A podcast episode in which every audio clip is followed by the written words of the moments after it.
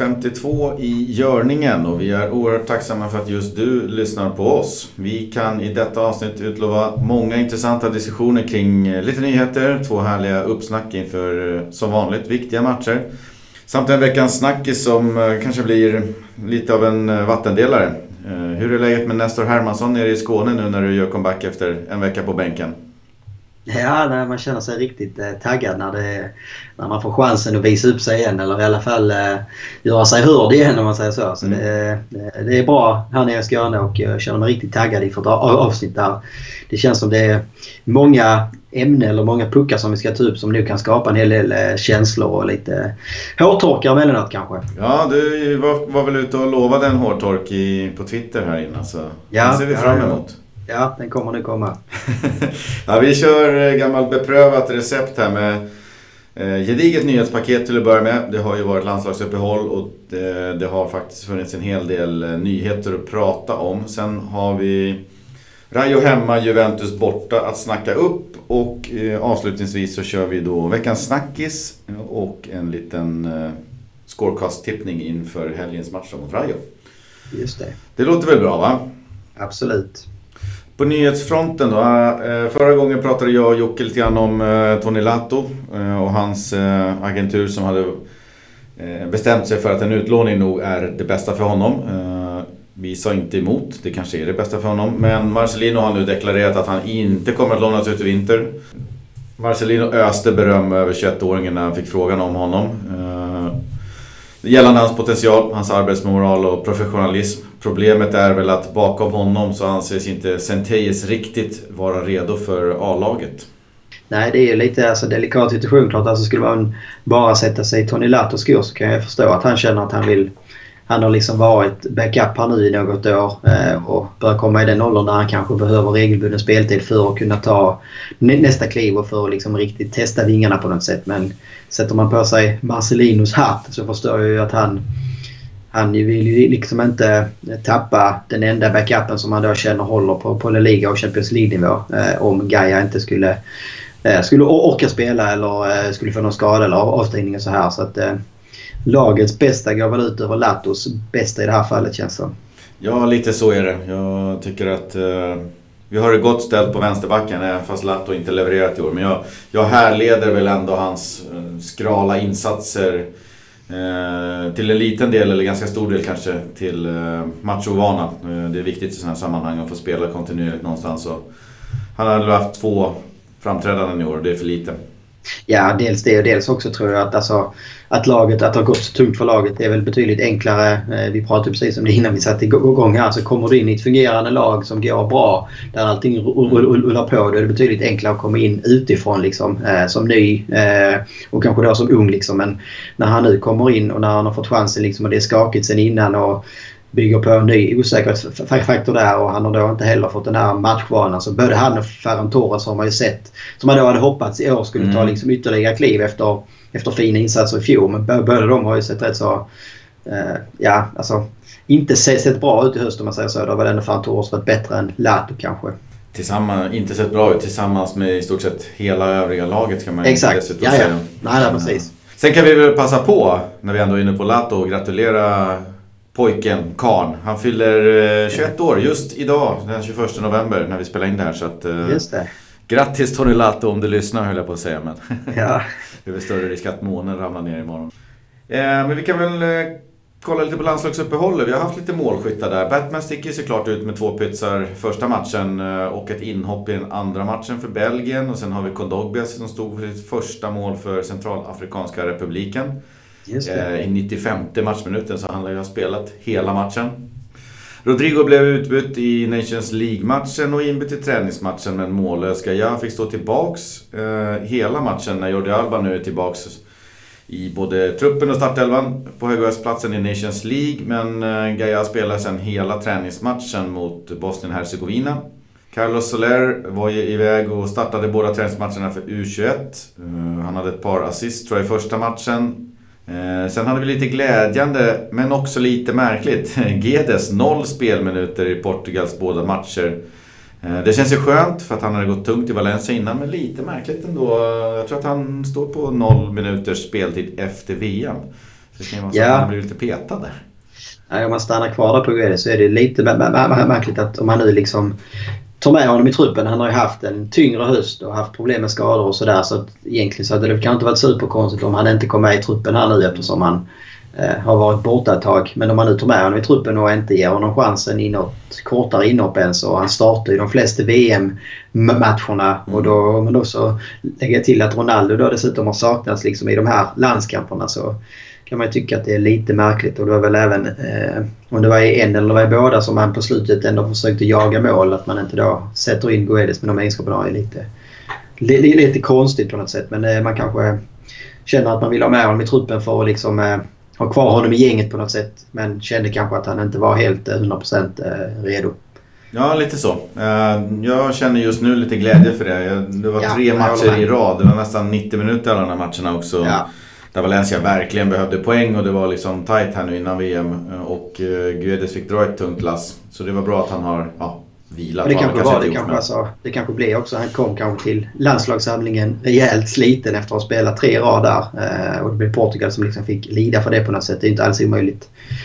Ska vi sen stanna kvar vid Spanien så känns det som Alltså för det första så måste man ändå liksom, även om vi är väldigt färdiga på den så måste man ställa sig lite frågande till att Rodrigo startar som central anfallare i mm. Nations League-matchen som, alltså som verkligen var viktig för Spanien. Mm. Eh, efter den hösten han har haft. Alltså det är ett litet... Eh, det, det ligger liksom inte som Sverige där Marcus Berg får starta som anfallare fast han liksom inte gör mål och spelar i Qatar eller vad han gör. För här, här finns ingen annan anfallare. Men det finns ju ändå en del spanska anfallare som har gjort det bra i höst och inte minst kanske Paco Alcacer i Dortmund. Och ändå är det eller Rodrigo som, som startar som nia. Eh, det är lite märkligt. Eh, sen så generellt så känns det med Spanien som att Luis Enrique har bestämt sig för att inventera truppen rejält här i höst i Nations League. Eh, alltså han har ju haft eh, Jag, jag, jag har inte varit med i trupper innan och nu är jag med från start. Och Paco Alcácer var med i truppen sist och gjorde mål i båda landskamperna men var inte med alls nu. Så det känns liksom som han inventerar väldigt många spelare. Han ger dem chansen och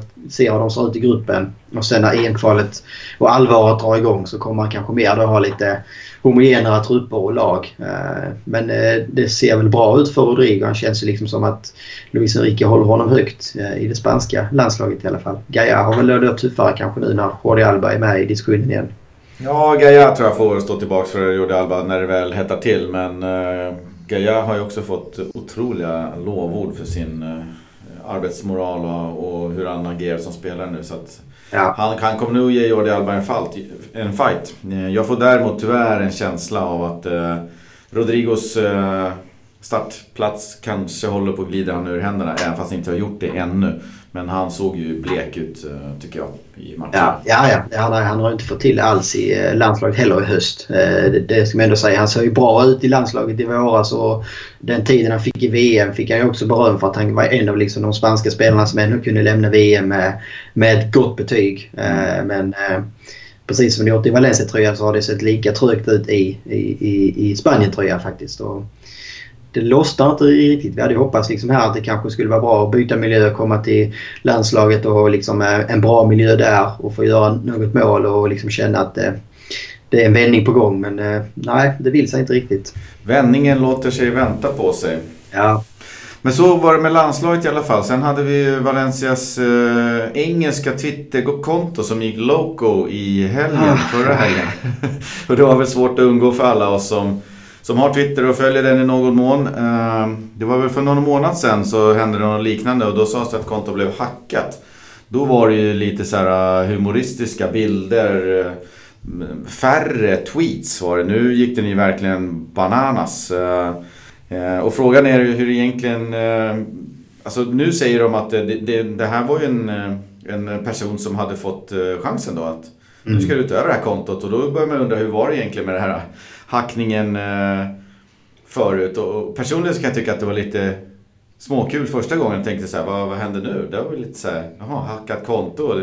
Så, så taskiga skämt var det den gången, inte den gången. Men Nej. den här gången gick det överstyr och det är rejält. Eh, Super Deporte publicerade till och med en artikel om det hela och det verkar vara en person som Anil Murti eh, känner eller finns nära honom som fick chansen i sann all publicitet är bra publicitet-anda. Eh, dessutom så verkar det nu som att Valencia har sagt att personen ska få fortsatt hantera kontot. Ja, vad säger vi?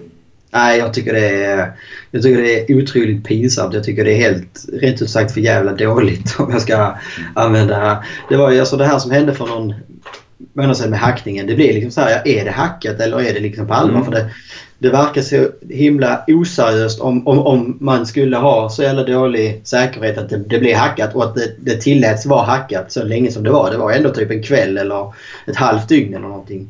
Och sen efter man då skrev att ah, nu har vi tagit tillbaka kontot igen. Då tog man ju inte bort de här tweetsen från hackaren så att säga. Så det är också, vad fan är det som händer egentligen? Mm. Och sen det här som var i helgen. Alltså det är, det är liksom på en sån låg nivå. Eh, så det, det, alltså det, det, blir bara pinsamt. Alltså det känns som... Det finns ju en del klubbar som har det. är väl Roma och Bayer Leverkusen som har liksom en profil av att vara lite humoristiska på sitt engelska konto. Och kan väl ändå hålla det på bra nivå även om jag ibland också kan tycka att det blir lite väl löjligt från officiella källor. Eh, men ändå på, på en bra nivå i alla fall. Men här var det liksom, det var, alltså, det, det var så långt från en bra nivå. Det alltså, handlar ju bara om och försöka hitta några extra följare. Och det var ju bara, bara sånt här, ja men följ, följ mig så följer jag er. Och, alltså att, att klubben inte har mer stolthet eller liksom pissar på fansen. Eh, eller hur man nu ska säga, så att man nedvärderar fansen och inte tror mer om dem än så här. Det, det tycker jag är alltså, så otroligt svagt och, så, och framförallt ännu värre kanske då hur man har hanterat det här i efterhand. Att man då liksom går ut och säger att vi tyckte det var en rolig grej och jag tänkte att all publicitet är bra publicitet och vi kommer mm. fortsätta så här. Då frågar man sig alltså vad fan är det som händer? Eh, jag har varit kritisk till sociala medier från Valencia hela hösten för jag tycker man har, man har hanterat eh, Instagram. Då har det inte alls varit på den här nivån men man har liksom man har hanterat hela kommunikationen utåt på ett jävligt dåligt, eh, konstigt sätt på något sätt. Alltså man har haft en sån svag höst som man har haft då är det kanske inte läge att hålla på med sånt här jävla trams.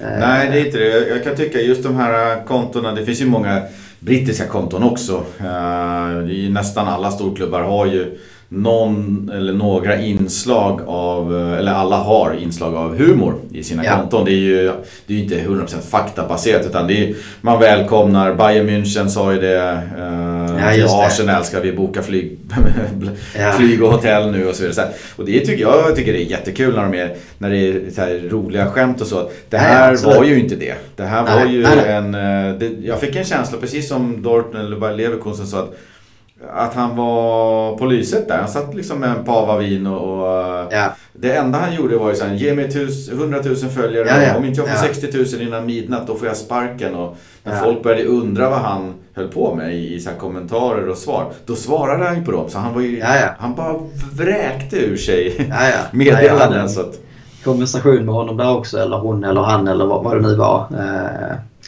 men det var ju alltså... Jag, jag tyckte det var otroligt patetiskt faktiskt. Alltså, det var som man... Jag skämdes liksom för Valencias skull. Alltså, det känns som man skämmer ut klubben inför, alltså framförallt inför andra klubbar och, och jag tycker liksom att det är att det är att ned, nedvärdera fansen på, något sätt som ändå liksom ja, men man, man, liksom, man, man försöker lyfta upp klubben. Man försöker eh, lyfta fram klubben på, på något sätt och kanske ännu mer under sådana här perioder när det har liksom gått tungt. Och sen så kommer då klubben själva och liksom gör, gör liksom åtlöje av, av sig själv och, och, klubben på det officiella. Jag vet inte, det blir bara blir otroligt bara trött. Man vill bara liksom bara, bara stänga ner kontot. Alltså bara fatta att det är bra nu. Men det bara fortsätter ju. Alltså, Ja, däremot så har det lugnat ner sig nu lite grann. Nu, alltså kontot lever ju fortfarande. Det kommer någon tweet då, då men det är ju mer ja. sansat och normalt. Så jag vet inte om han sitter kvar där eller om han har slutat med vinet. Nej. Eller vad det nu är. Nej, jag vet inte vad man tänker att all publicitet är bra publicitet. För det är, det är väl en av de största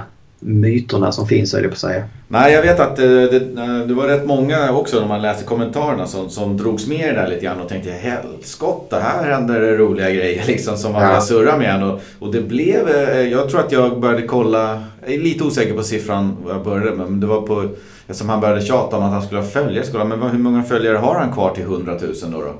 Men då ja. låg han ju på 58 eller någonting. Det var ju, ja. alltså jag bara, det här lyckas jag aldrig med.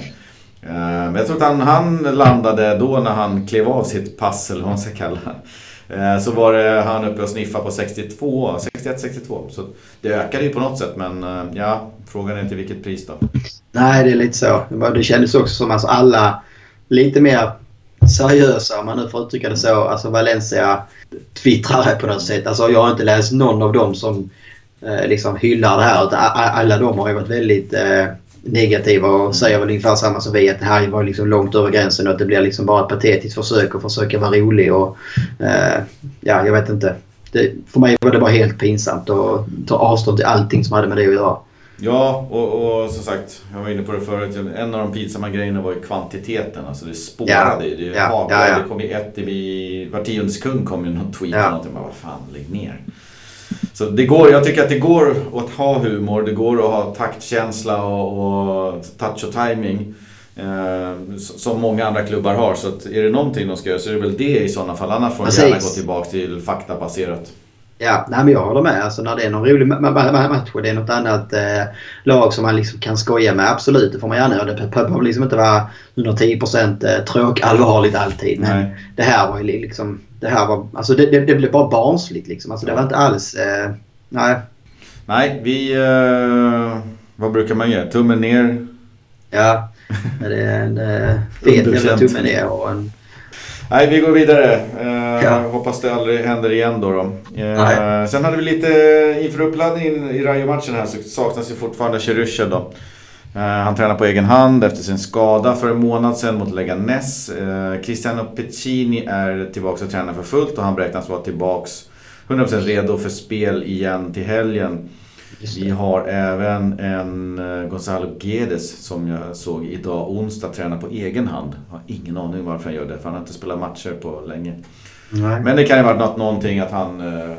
Någonting, det är ändå bara onsdag, nu är det torsdag, fredag på sig. Så att, det blir säkert bra med det. Sen hade vi som vanligt så här på hösten, vintern och sommaren för den delen också så är ju Valencias ägare Peter Lim Eh, han ryktas vara på väg till, in till stan eh, för att eh, överse vintertransferfönstret.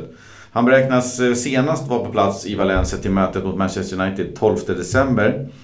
Och som vanligt så är det ju han, Alemani, Longoria och Marcelino då som ses och de tre senare där de ska presentera sin plan för vinterfönstret. Just nu är det väl bestämt att Lato och Ferran, som också har varit på tal, inte ska någonstans och därmed återstår väl egentligen bara Batshuayes framtid som den enda katalysatorn för att det ska ta fart då. Rapporterna just nu säger att belgaren ska få sina chanser att leverera innan dess.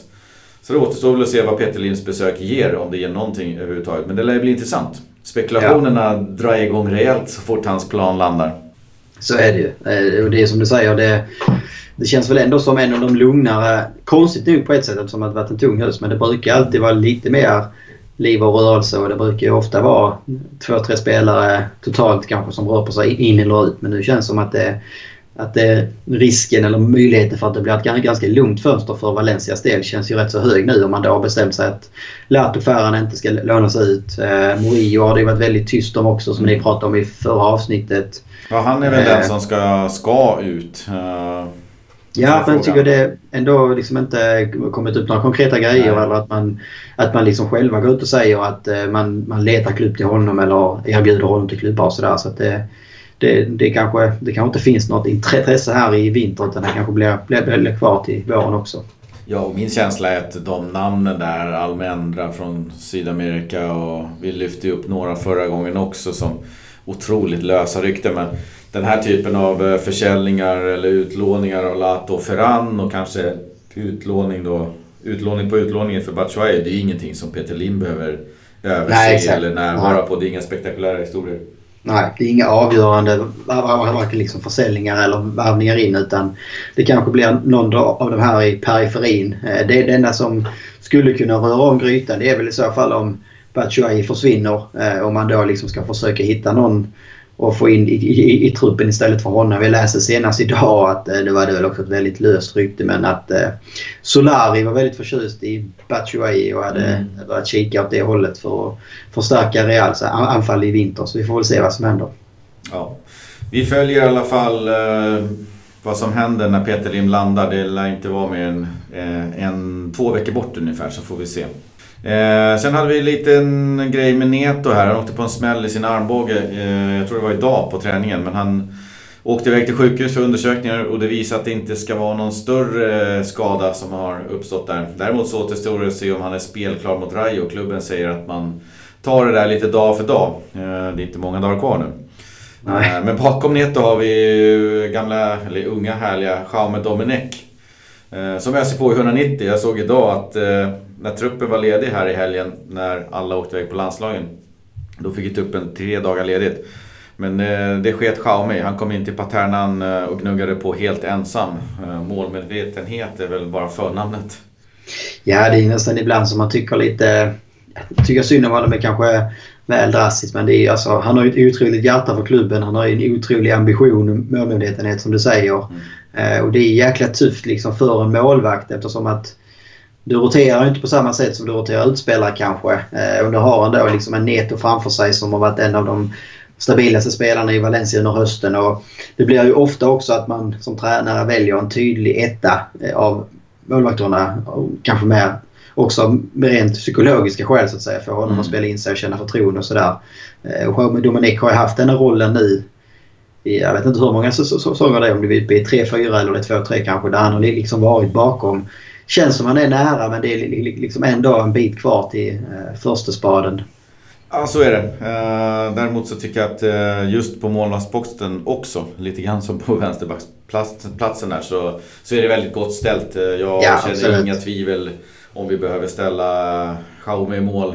En vanlig La Liga-match, det ska väl vara Barca, Real eller nu mot Juventus nästa vecka som man kanske helst vill ha Neto. Men annars så tycker jag att Jaume, de matcherna han har kommit in, har gjort det jättebra. Lite darrig mot Ebro i cupen.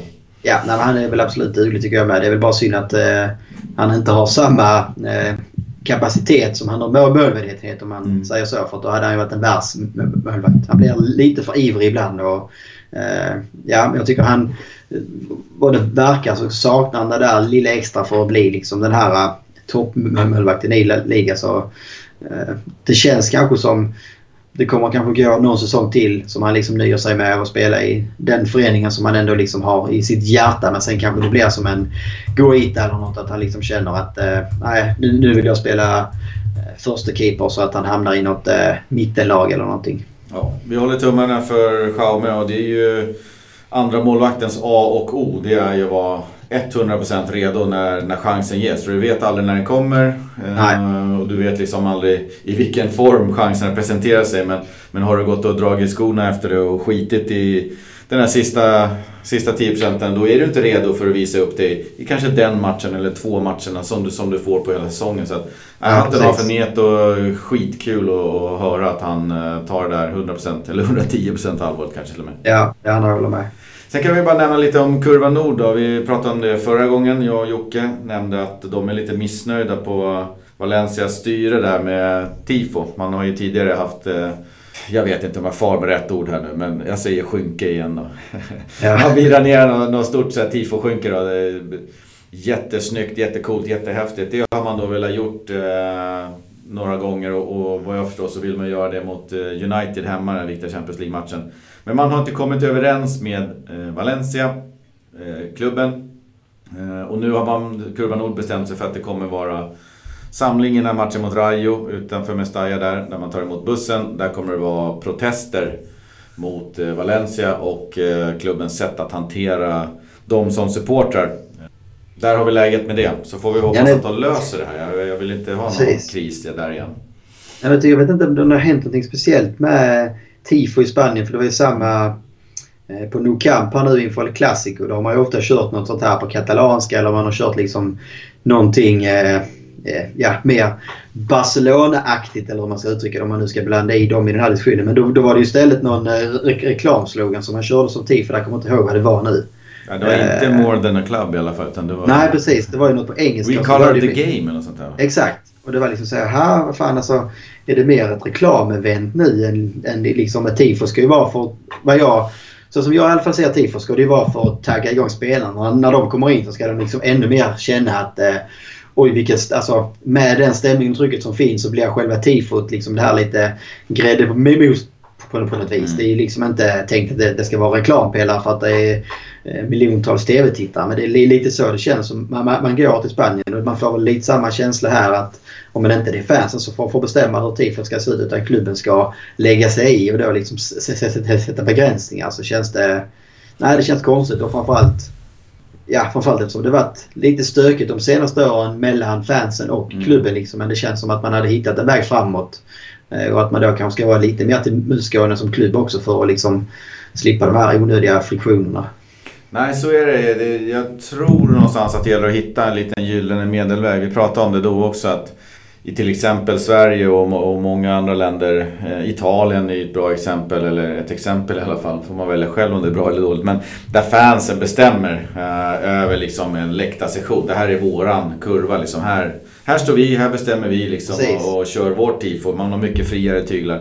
Jag vet ja. att i England så, så har man inte riktigt en klack. De, eh, I den mån de finns så har de inte något tifo på samma sätt. Och i Spanien så Barcelona Real har ju väldigt hårda nyper vad det gäller deras fans. Eh, Real har ju kanske det bästa exemplet med sin vita fyrkant där. Eh, det finns inte en människa som har en tillstymmelse till någonting annat på sig för då åker man ju ut och så vidare. Där har ju den ena sidan medan om du kollar med, med Italien där, där kurvan är helt fri, där har den andra sidan. Jag tror att Valencia kan Valencia kan inte gå den vägen Real går. För då tappar du kurva nord och då blir det krig och då får alla avgå till slut tror jag. Eh, du kan nog inte heller kanske gå hela den vägen där du släpper kurvan fri. För då är det...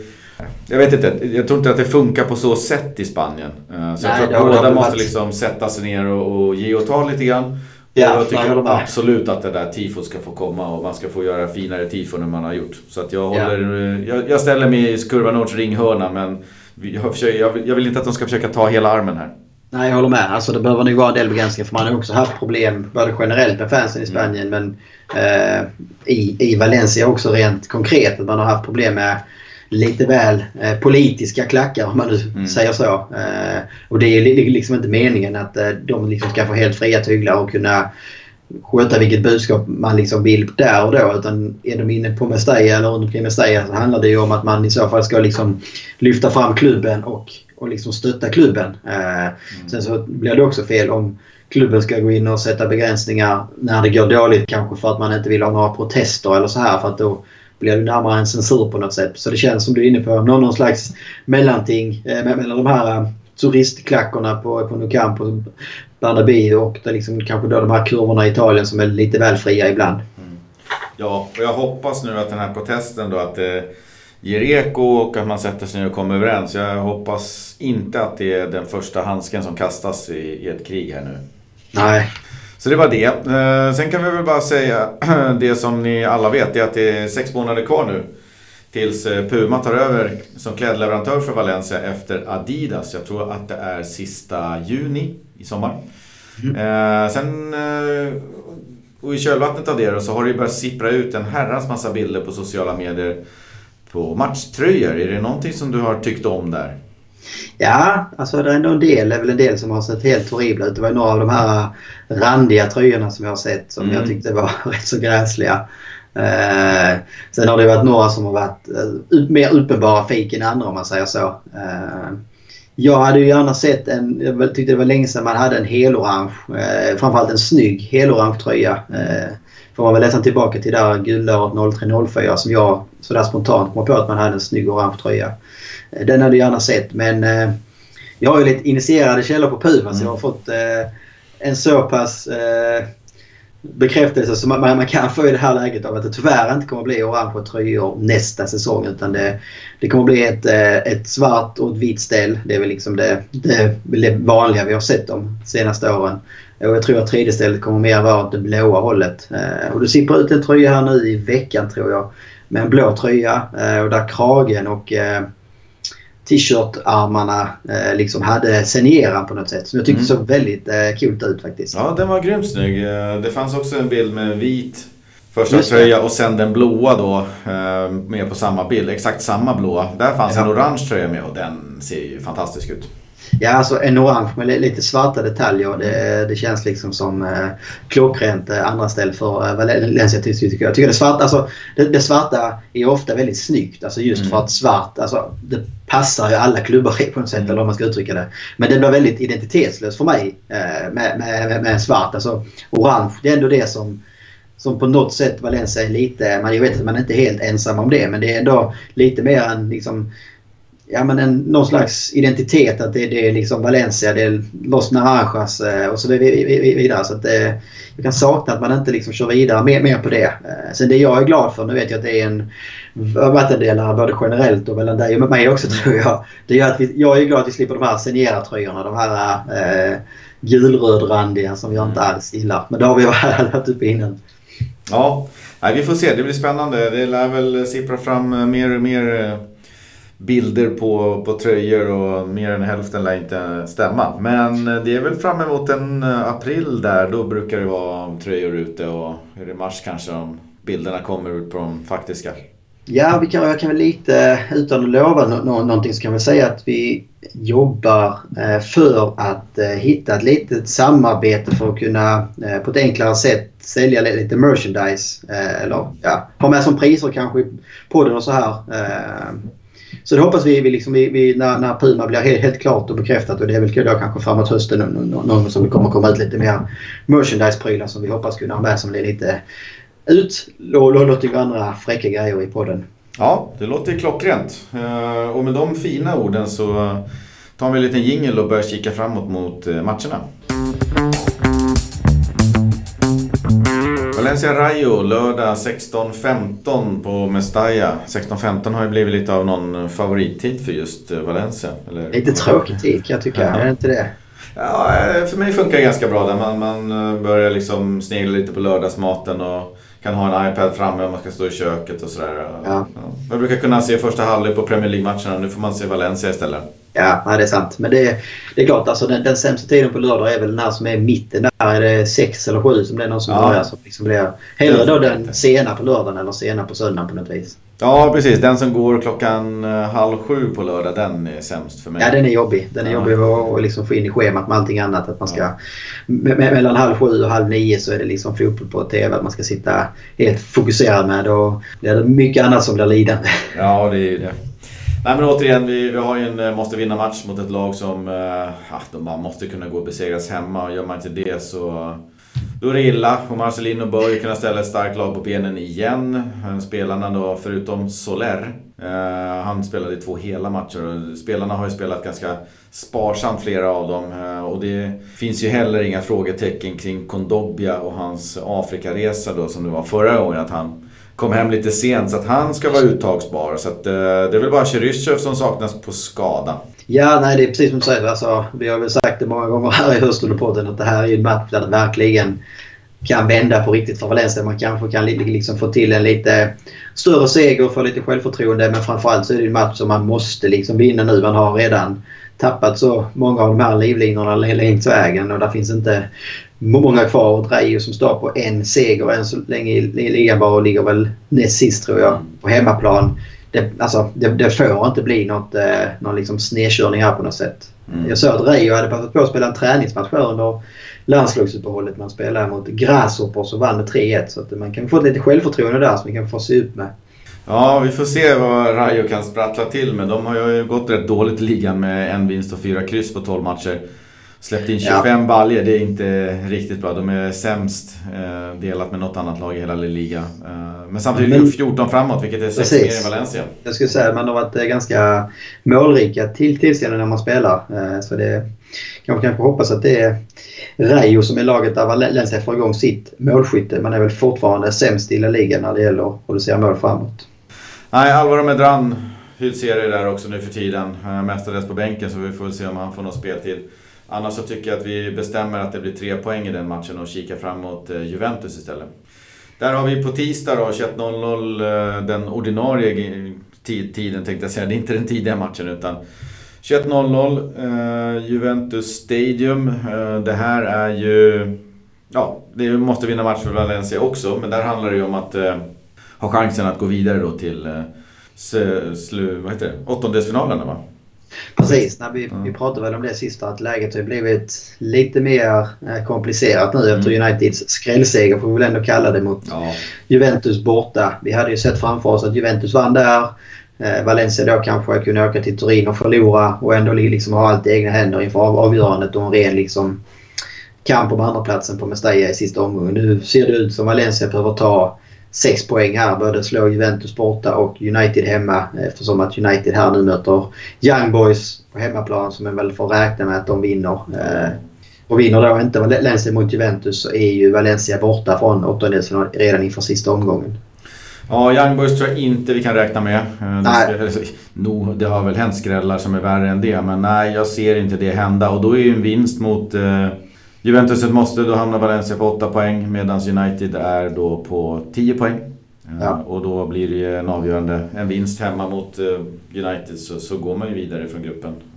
Precis, precis. Nej, då... Vinst mot Juventus ja, så ja. blir det 8 poäng. Och, och sen så vinst mot United går man vidare. Dessutom vinst mot Juventus eller mot United förseglar ju Valencias Europa League-äventyr efter det här. Då. Ja, nej, Europa League känns ju klart. Alltså, jag tror inte Young Boys kommer ta fyra poäng på de två sista omgångarna. Utan eh, det känns som... Och det känns som alltså jag tror... Jag tror absolut att Valencia kan slå ett United på Mestalla. Eh, det har jag trott hela hösten och hade hoppats att vi skulle få en helt avgörande match där. Eh.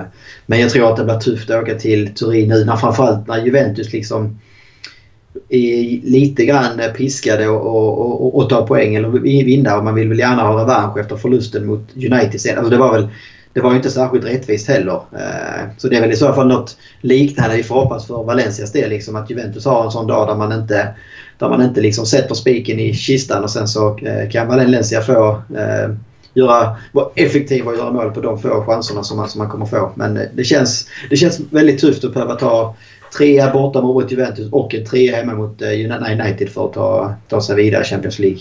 Ja, Juventus dessutom möter ju Spal hemma nu, vilket bör vara en munsbit där Allegri kan mönstra laget optimalt ja. för att vara ett slagkraftigt eh, lag mot Valencia. Det kan, om han känner att det behövs rotera så gör han ju det. Alltså, de spöar ju Spal hur lätt som helst hemma. Ska, ja, nej så är det ju. Så det var väl det. Uh, får vi verkligen se fram emot två stycken härliga matcher här. Det är ju kul med alltså Juventus borta. Det är ju en, det är en stor match Exakt. på alla sätt. Så det blir kul.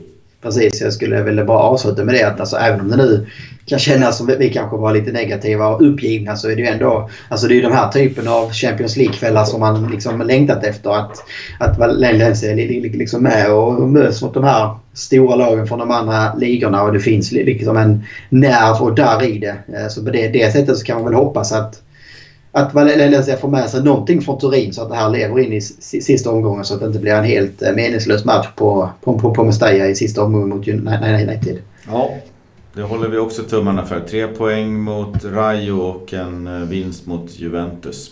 Men vi jinglar lite och börjar snacka om veckans snackis. Ja. Veckans snackis, vilken bra grej. Jag har redan börjat gilla den här. Tredje snackisen och det känns skulle, härligt. Ska hitta en egen jingel eh, för, ja. här kanske så att eh, alla liksom känner att oh, nu kommer den ingen nu är det dags för veckans snackis. Du har inga gamla blockflöjtstalanger från mellanstadiet eller något liknande? Nej, det är en av de eh, många sakerna som jag absolut inte kan skryta om att jag har. Ja, okej. Okay. Nej, vi får se om vi hittar någon egen jingel. Ja. Michu Batshuayu är veckans eh, snackis. Spelaren som kom in med höga förväntningar har blivit omtalad här på slutet. Mycket beroende på sina dåliga insatser men även på grund av att de flesta nu ifrågasätter hans ja, lojalitet eh, i den mån en inlånad spelare ska ha det eh, till laget Valencia. Då. Vi tänkte oss ta en diskussion kring eh, om han är rätt man för laget. Vad säger du? Nej, men det känns som det har väl varit liksom... Det har väl legat och pyrt eh, hela hösten här om Babatunai liksom. Och det har väl varit eh, olika läger och eh, det har väl liksom blivit en, en hetare och hetare potatis för varje vecka som gått. Liksom. Eh, och nu känns det kanske då som den briserat mer eller mindre fullt ut. Och när man då, det, dessutom så att han åkte iväg i, med Belgien och gjorde mål, två mål där, där direkt så blir det kanske då ännu mer att men är det Batman det är fel på eller är det Valencia det är fel på eller vad är det liksom som händer här? Så därför känns det väl klockrent att ha med honom här och prata om honom idag. Han är förtjänt av en plats som veckans snackis. Absolut. ja, men vi kan väl börja med att fastställa lite grann kring nivån eh, han har som spelare. För han har ju i princip sett öst in mål eh, hela sin karriär. Standard Liège i Belgien, eh, öst in mål. Marseille i Frankrike, öst in mål. Sen platsar han inte riktigt i Chelsea. Eh, men det är ju ändå liksom toppen av världens, eh, nah, nu är Spanien världens bästa liga sägs det, men eh, toppen av ett topplag i Premier League och det är inte vilken dussinspelare som helst som, som platsar där. Men där fick han inte riktigt chansen, men efter det långt till Dortmund, öste in mål och nu i Valencia. Eh, som generellt sett har svårt att göra mål. Eh, och så har även Batman haft det. Eh, vi ska väl nämna belgiska landslaget här också. Där han, eh, ja, vi ser att han har öst in mål där också.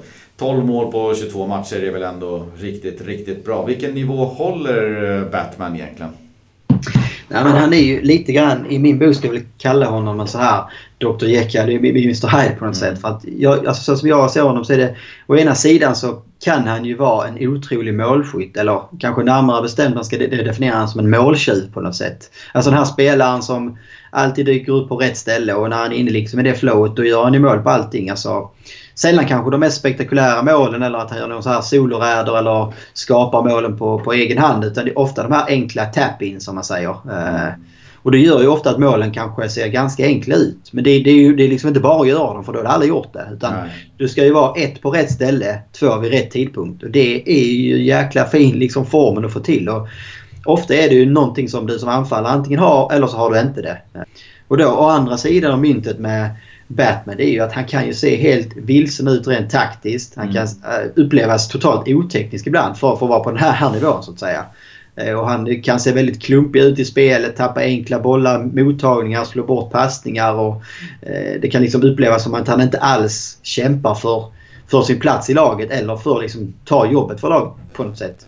Och tyvärr så är det väl i stort sett bara den andra sidan av myntet som jag fått se av Batshuayi i Valencia på något sätt. Eh, men det är också som du är inne på, alltså det, hans, hans statistik pekar ju tydligt på att det finns någonting mer där. Eh, och vad jag tror kanske är hemligheten för att få igång honom. Det är väl att, att ge honom tålamod och ge honom tid. För det är, en del spelare de akklimatiserar sig direkt i en ny klubb och liksom redan från första inhoppet de gör så ser man att de har redan hittat rätt och de liksom har förstått taktiken och de vet precis hur de ska löpa och var de ska befinna sig. För en del tar det längre tid så att säga. Och för Batrays day så verkar det vara så. För kollar man också på hans tidigare klubbar så har det varit i klubbar där han har fått tålamod. Där man har haft liksom tillåtit honom att misslyckas. Eh, och ändå gett honom tiden så att säga, självförtroendet. Det är därför man också till sist har blivit den här målskytten och skyttekungen. Mm. Eh, så, så man måste kanske också som Valencia på något sätt liksom inse ja, men vad är det för spelartyp jag har köpt. Det här är ingen Simone Sasa eller Santimina eller Rodrigo. Det är liksom ingen anfallare som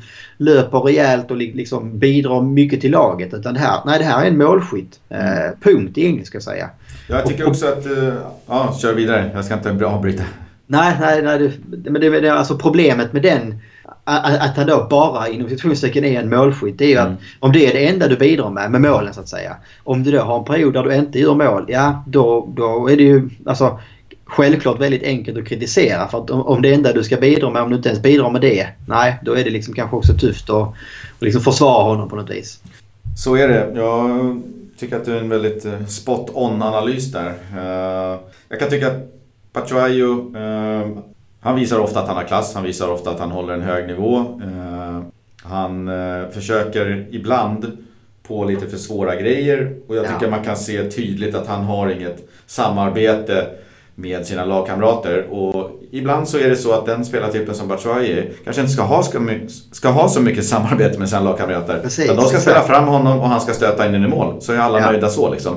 Precis. Känslan är att Rodrigo vill ha ut mer samarbete och mer assist. Jag tror Rodrigo känner lite grann som Neymar kanske inte kände sig i Barcelona. Det är inte jag som är kungen här. Jag tror att Nej. Rodrigo kände, kände så lite grann att hallå, ni ska visa mig respekt. Det är jag som är liksom nummer ett, nio i det här laget och så vidare. Och Bartman visar inte den respekten eller han gör inte de sakerna som Rodrigo, Rodrigo vill och då, då har det skurit sig lite där. Uh, men jag känner också att rätt använd Batshuayo uh, ja. i rätt lag, i rätt spelidé och allting, då är han grym. Och det har han bevisat hundra gånger om. Eh, till exempel eh, i Dortmund då, som verkar vara ett lag som fungerar. Eh, släng in en Batman, han gör 9-10 baller på 9-10 matcher. Släng in en Paco Alcacer från Barsas bänk, fullständigt öser in mål. Jag är inte ja. helt säker på att det liksom bara är Paco Alcacer som är Det är Dortmund som fungerar. Batman har kommit till Valencia som just nu inte fungerar. Där har du ett av de problemen som han har. Men jag tror att rätt använd i rätt lag, grym. Jag håller med. Nej, men det blir också lite det man ska fråga sig. Alltså hur mycket av den här, eh, om man nu får säga, misslyckade med att leva upp till förväntningarna hösten. Hur mycket kan man lägga på Batshuayi? Hur mycket kan man då lägga på Marcelino och Valencia? Mm. Alltså, har man använt honom rätt? Det är väl nummer ett. Nummer två, alltså vet man vilken spelartyp det är man har köpt in så att säga. Alltså, hur, hur, hur väl...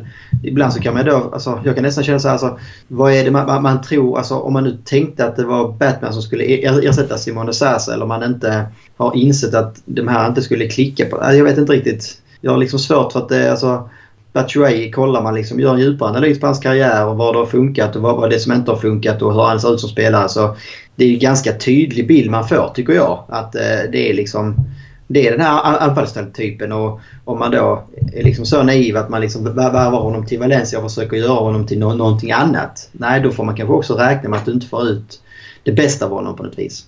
Nej, så är det. Han är ju inte så gammal, den, den gode Batman. 25 år och hittills så har ju i princip allt har ju fungerat i hans karriär. Ja. Så, så att jag känner bara att om, om man liksom ska skylla på någon att det inte funkar. Självklart så måste du skylla på individen. Men eh, Marcelino får ju ändå ta ansvaret för det här. Han har värvat in honom, han har satt spelet, taktiken. Det är han som talar om för spelarna hur de ska agera på planen och mot varandra och så vidare. Han får ju nog bära lite av hundhuvudet för att det inte har fungerat, eh, tycker jag. Eh, det är ja, jag med. Och det är alltså Batman är ju en, anfallare återigen som jag tror är mycket mer beroende av en bra omgivning. Alltså kollar du belgiska landslaget till exempel, ja, men då har du en, en Eden Hazard bakom dig. Du har liksom ett bra mittfält. De spelar ofta liksom med 4-3-3. Han är ensam central anfallare och du har liksom då två yttrar som hela tiden har liksom som roll i laget att egentligen servera honom i boxen på något sätt. Mm. Och använder man honom på det viset eh, så gör han ju också uppenbarligen mål. För det var ungefär på samma sätt som han har använts i både Marseille och i Belgien och i, i, i Dortmund i fjol. Liksom, att han ska vara den här centrala anfallsspelaren. Behöver inte vara med så mycket i speluppbyggnaden eller bidra med så mycket, mycket, mycket annat. Men hålla in i boxen och när väl liksom, bollarna kommer in, ja då, då ska du vara het där. Men kommer inte bollarna in, nej då är det också självklart att då kommer inte, han, han inte göra så många mål. Uh, det, det, det är väl det som... Gör mål, det räcker så. Ja, nej men det är väl det som... Eh, alltså då, vad man kan klaga på det, det är väl att jämföra kanske då med en Gamero till exempel och Rodrigo. Som jag i alla fall upplever utan att ha någon statistik framför mig har kommit till fler chanser än Batman. Det är väl det man kan oroa sig över med eh, Batshuayi då att eh, det känns inte som som med Rodriguez är jag helt övertygad om att när, när, när han väl kommer börja göra mål så kommer det liksom börja rassla på. Han, han har gjort för lite mål. Alltså, kollar man på hans expected goals, om det återigen ska jag tjata om det, så eh, fortsätter han så här så liksom normalt över en säsong så kommer han ändå hamna på en, en helt okej okay, liksom, målskjut. Men mm. Batman har ju inte riktigt eh, kommit till lägen än så det är väl det som man liksom då får lägga på Marcelino en dos av också. Att ja, men, då får du guida eller visa honom mer rätt så att du liksom, han kommer till lägena i alla fall. Och jag tror att Batshuayi är ju en sån spelare. Kommer han bara till lägena så är han liksom eh, ganska så eh, klinisk i avsluten. Ja, det är han. Eh, jag skrev ner en fråga här när vi bestämde oss för Batman. Är det, är det Batshuayi som hämmas av Rodrigo? Eller hämmas Rodrigo av uh, Batshuayi? Alltså jag tror att Batshuayi hämmas nog mindre av Rodrigo och mer av att han inte har tillräckligt bra spelare runt omkring sig. Alltså vi har pratat om det innan att Valencia utan Guedes i höstas, då hade man en jävligt trupig offensiv. Alltså, då skapar man ju inte några chanser överhuvudtaget egentligen. Alltså, det är ju egentligen sen Guedes kom tillbaka som man börjar skapa chanserna åtminstone. Man får fortfarande svårt att göra målen men man kommer till lägen i alla fall. Men, hela första delen av hösten det var liksom man bara spelar runt, runt, runt men man, man, man kommer aldrig till lägena på något sätt. Så jag tror att det har nog hämmat Batshuayi mer än att det är Rodrigo som spelar bredvid honom. Så jag, jag, jag tror det är snarare så att det är Rodrigo som hämmas av att ha en Batshuayi i sidan om sig. För jag tror att Rodrigo är ganska beroende av att ha, precis som du är inne på, en anfallskompis som han liksom kan connecta med, som man kan spela vägspel med. Eh, som har ett helt annat utbyte av, av varandra. också någon som löper precis som han gör. Som då Santimina till exempel, eller Sasa i fjol. Jag tycker det har sett bättre ut på slutet nu eh, om man, om man tar Valencia som lag. Vi har ju haft Gedes på, på vänsterkanten som kommer in och, och mixar upp saker och ting. Sen har ju Carlos Soler faktiskt börjat leverera lite, lite inlägg och instick och nu ja. senast mot uh, Young Boys när Batshuayi gjorde mål. Då var det Carlos Soler som passade fram honom. Så att leveransen från kanterna in centralt har ju liksom, eller skotten på mål som ger returer, allt det där. Det har inte funnits ja. där. Så, Nej, så de, eh, det material som Batshuayi har haft att jobba med i Valencia har varit väldigt sparsmakat. Så att, jag vet inte, jag, jag är med dig. Det är mer Rodrigo som i sådana fall eh, hämmas av eh, Batshuayi. Jag tycker att Batshuayi, han, eh, han är på, på ett annat sätt än en one man show. Han, han behöver några bollar, det är det, det jobbar han med. Rodrigo ja. behöver många fler ingredienser tror jag för att fungera. Jag håller med. Alltså för mig är ju Rodrigo en större gåta denna hösten än vad mm. Batman är. Alltså jag är besviken på Batman för att han kom liksom till Valencia. Man hade väldigt höga förväntningar på honom. Han värvades ju ändå in som det stora namnet och målskytten. Och eh, hade ju liksom en väldigt bra eh, historik och stat med sig. Eh, och jag trodde liksom att han skulle passa väldigt bra i Valencia. Så absolut, jag är besviken på honom. Men jag tycker att Rodrigo Alltså jag sätter ett större frågetecken för vad det är egentligen som har hänt med Rodrigo om man säger så. Alltså att, att det inte skulle funka 100% för nya anfallare i en ny klubb. Det, där, där kan man ha lite mer tålamod. Vad, vad är det liksom som har hänt med Rodrigo som, som har varit med i Valencia många år och som fungerade så bra i fjol men som inte har fungerat i år. Det kan liksom inte bara vara Nej, och det kan inte heller bara vara så att han bara kan spela om han får spela bredvid en, en spelartyp som Simone Sasa. För då, då, då är det liksom Rodrigos nivå som vi har överskattat. Alltså om nu Rodrigo är så pass bra som, som vi tror och hoppas han är. Då måste han ju kunna anpassa sig till, till de spelarna runt omkring sig på ett bättre sätt än vad han har gjort. Så är det. Eh, vi kan ju konstatera att eh, i kölvattnet av alla de här eh, snacket i media om att Batshuayu ska lånas ut eller att man, man tittar på det från klubbens håll så har ju Marcelino kommenterat att så inte är fallet och att man, han kommer satsa på, på Batshuayu. Mycket på grund av att det är ju ett enormt spelschema som Valencia har framför sig. Det är ju, ja en, en och en halv månad med match var tredje, var fjärde dag. Självklart så kommer Batman att behövas. Så att, eh, rätt av Marcelino att kommentera saken så. Eh, vad blir den slutgiltiga domen av spelaren då, när vi sätter några korta ord på, på Batman? Så det är så, alltså höstens dom är ju inte godkänd. Alltså, utan tvekan skulle jag säga. Alltså, jag tror väl ingen som riktigt kan hur mycket man än gillar honom eh, som person eller som spelare så är det ju ingen som kan säga liksom, att han haft en lyckad höst i Valencia.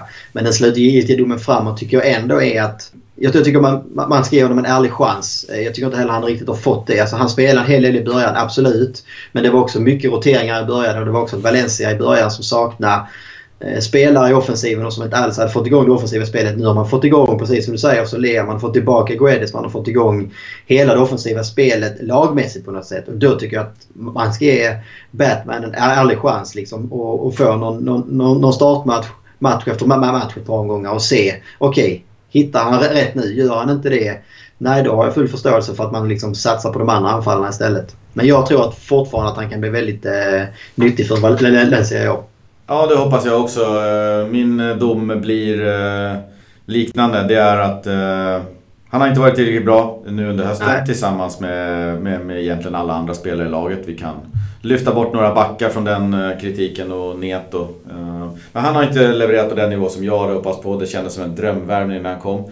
Men jag, jag, jag hänger ändå den största skulden på Marcelino.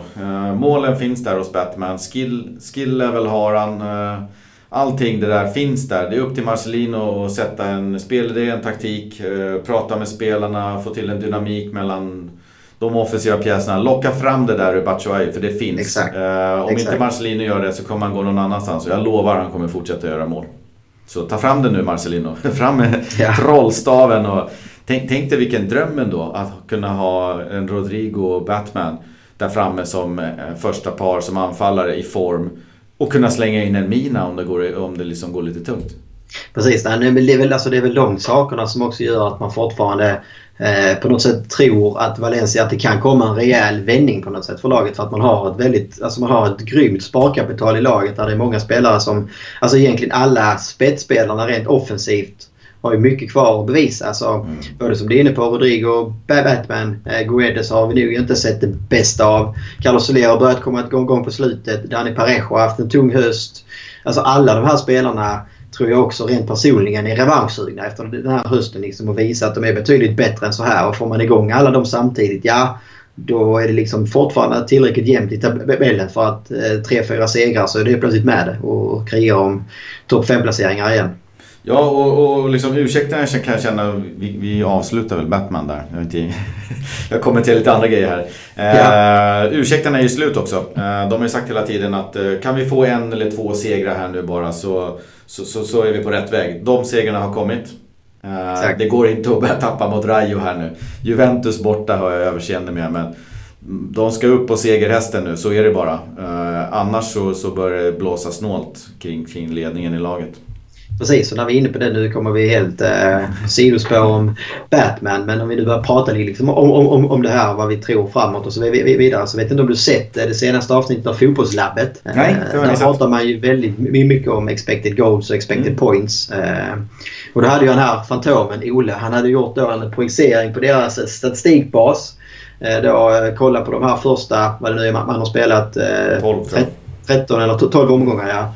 Och utifrån då expected points och all, all annan statistik som finns fram till den här omgången och då jämfört det här med ja, men hur slutar, alltså med den statistiken man haft för tidigare säsonger så att säga. Mm. Har han då tagit fram en estimerad sluttabell. Och det intressanta med det, det är ju att eh, Valencia var ett av de lagen faktiskt i, i alla Europas toppligor eh, som, alltså, som hade störst diskrepans eller liksom störst skillnad mellan den placeringen man faktiskt hade och den man faktiskt, eller då enligt expected points, borde ha haft om man säger så. Mm.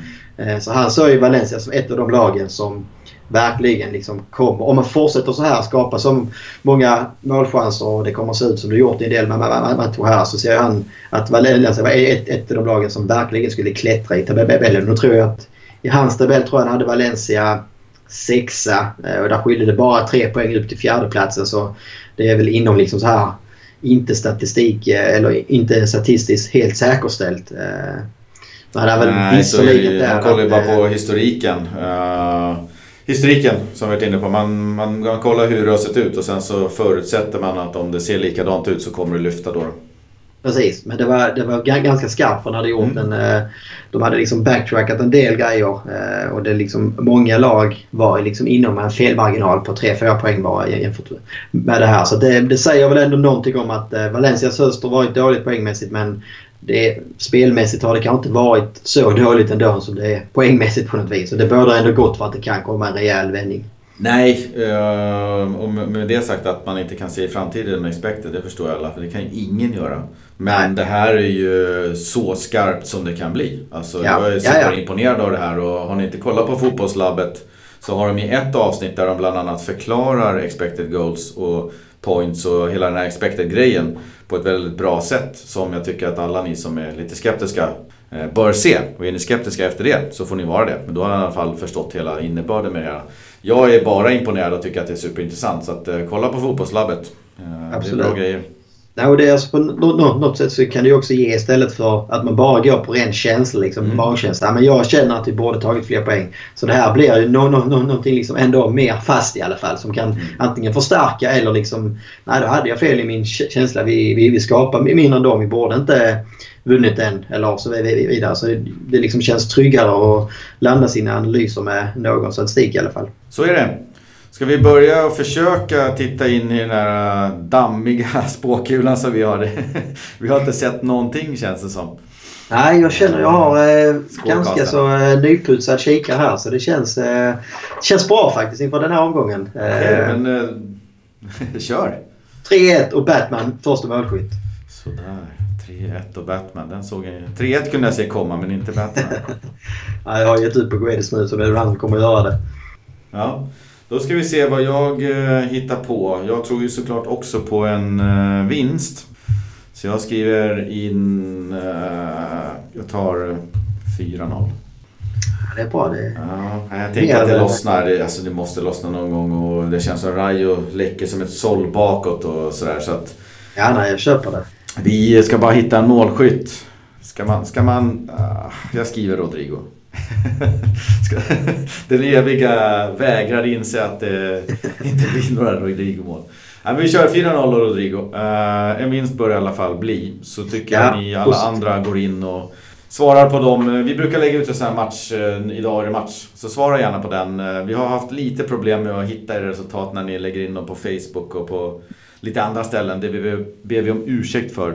Ni rättar till oss så fort ni märker att vi missar något. Men svara på kommentera eh, Twitter och eh, Insta. Absolut. Så det är väl skönt att vi kan avrunda den här podden ändå med liksom väldigt positiva vibbar. Att båda två tror på en storseger till helgen. Ja, det brukar inte alltid betyda att det blir så, men uh, den här gången blir det så. Ja, det tror jag. Det kan till och med bli så att det kanske blir 5-0 och att vi inte får helt rätt i tipset. Ja, exakt. Ja, men då så. Vi säger väl adjö med ett hasta luego. Hasta luego.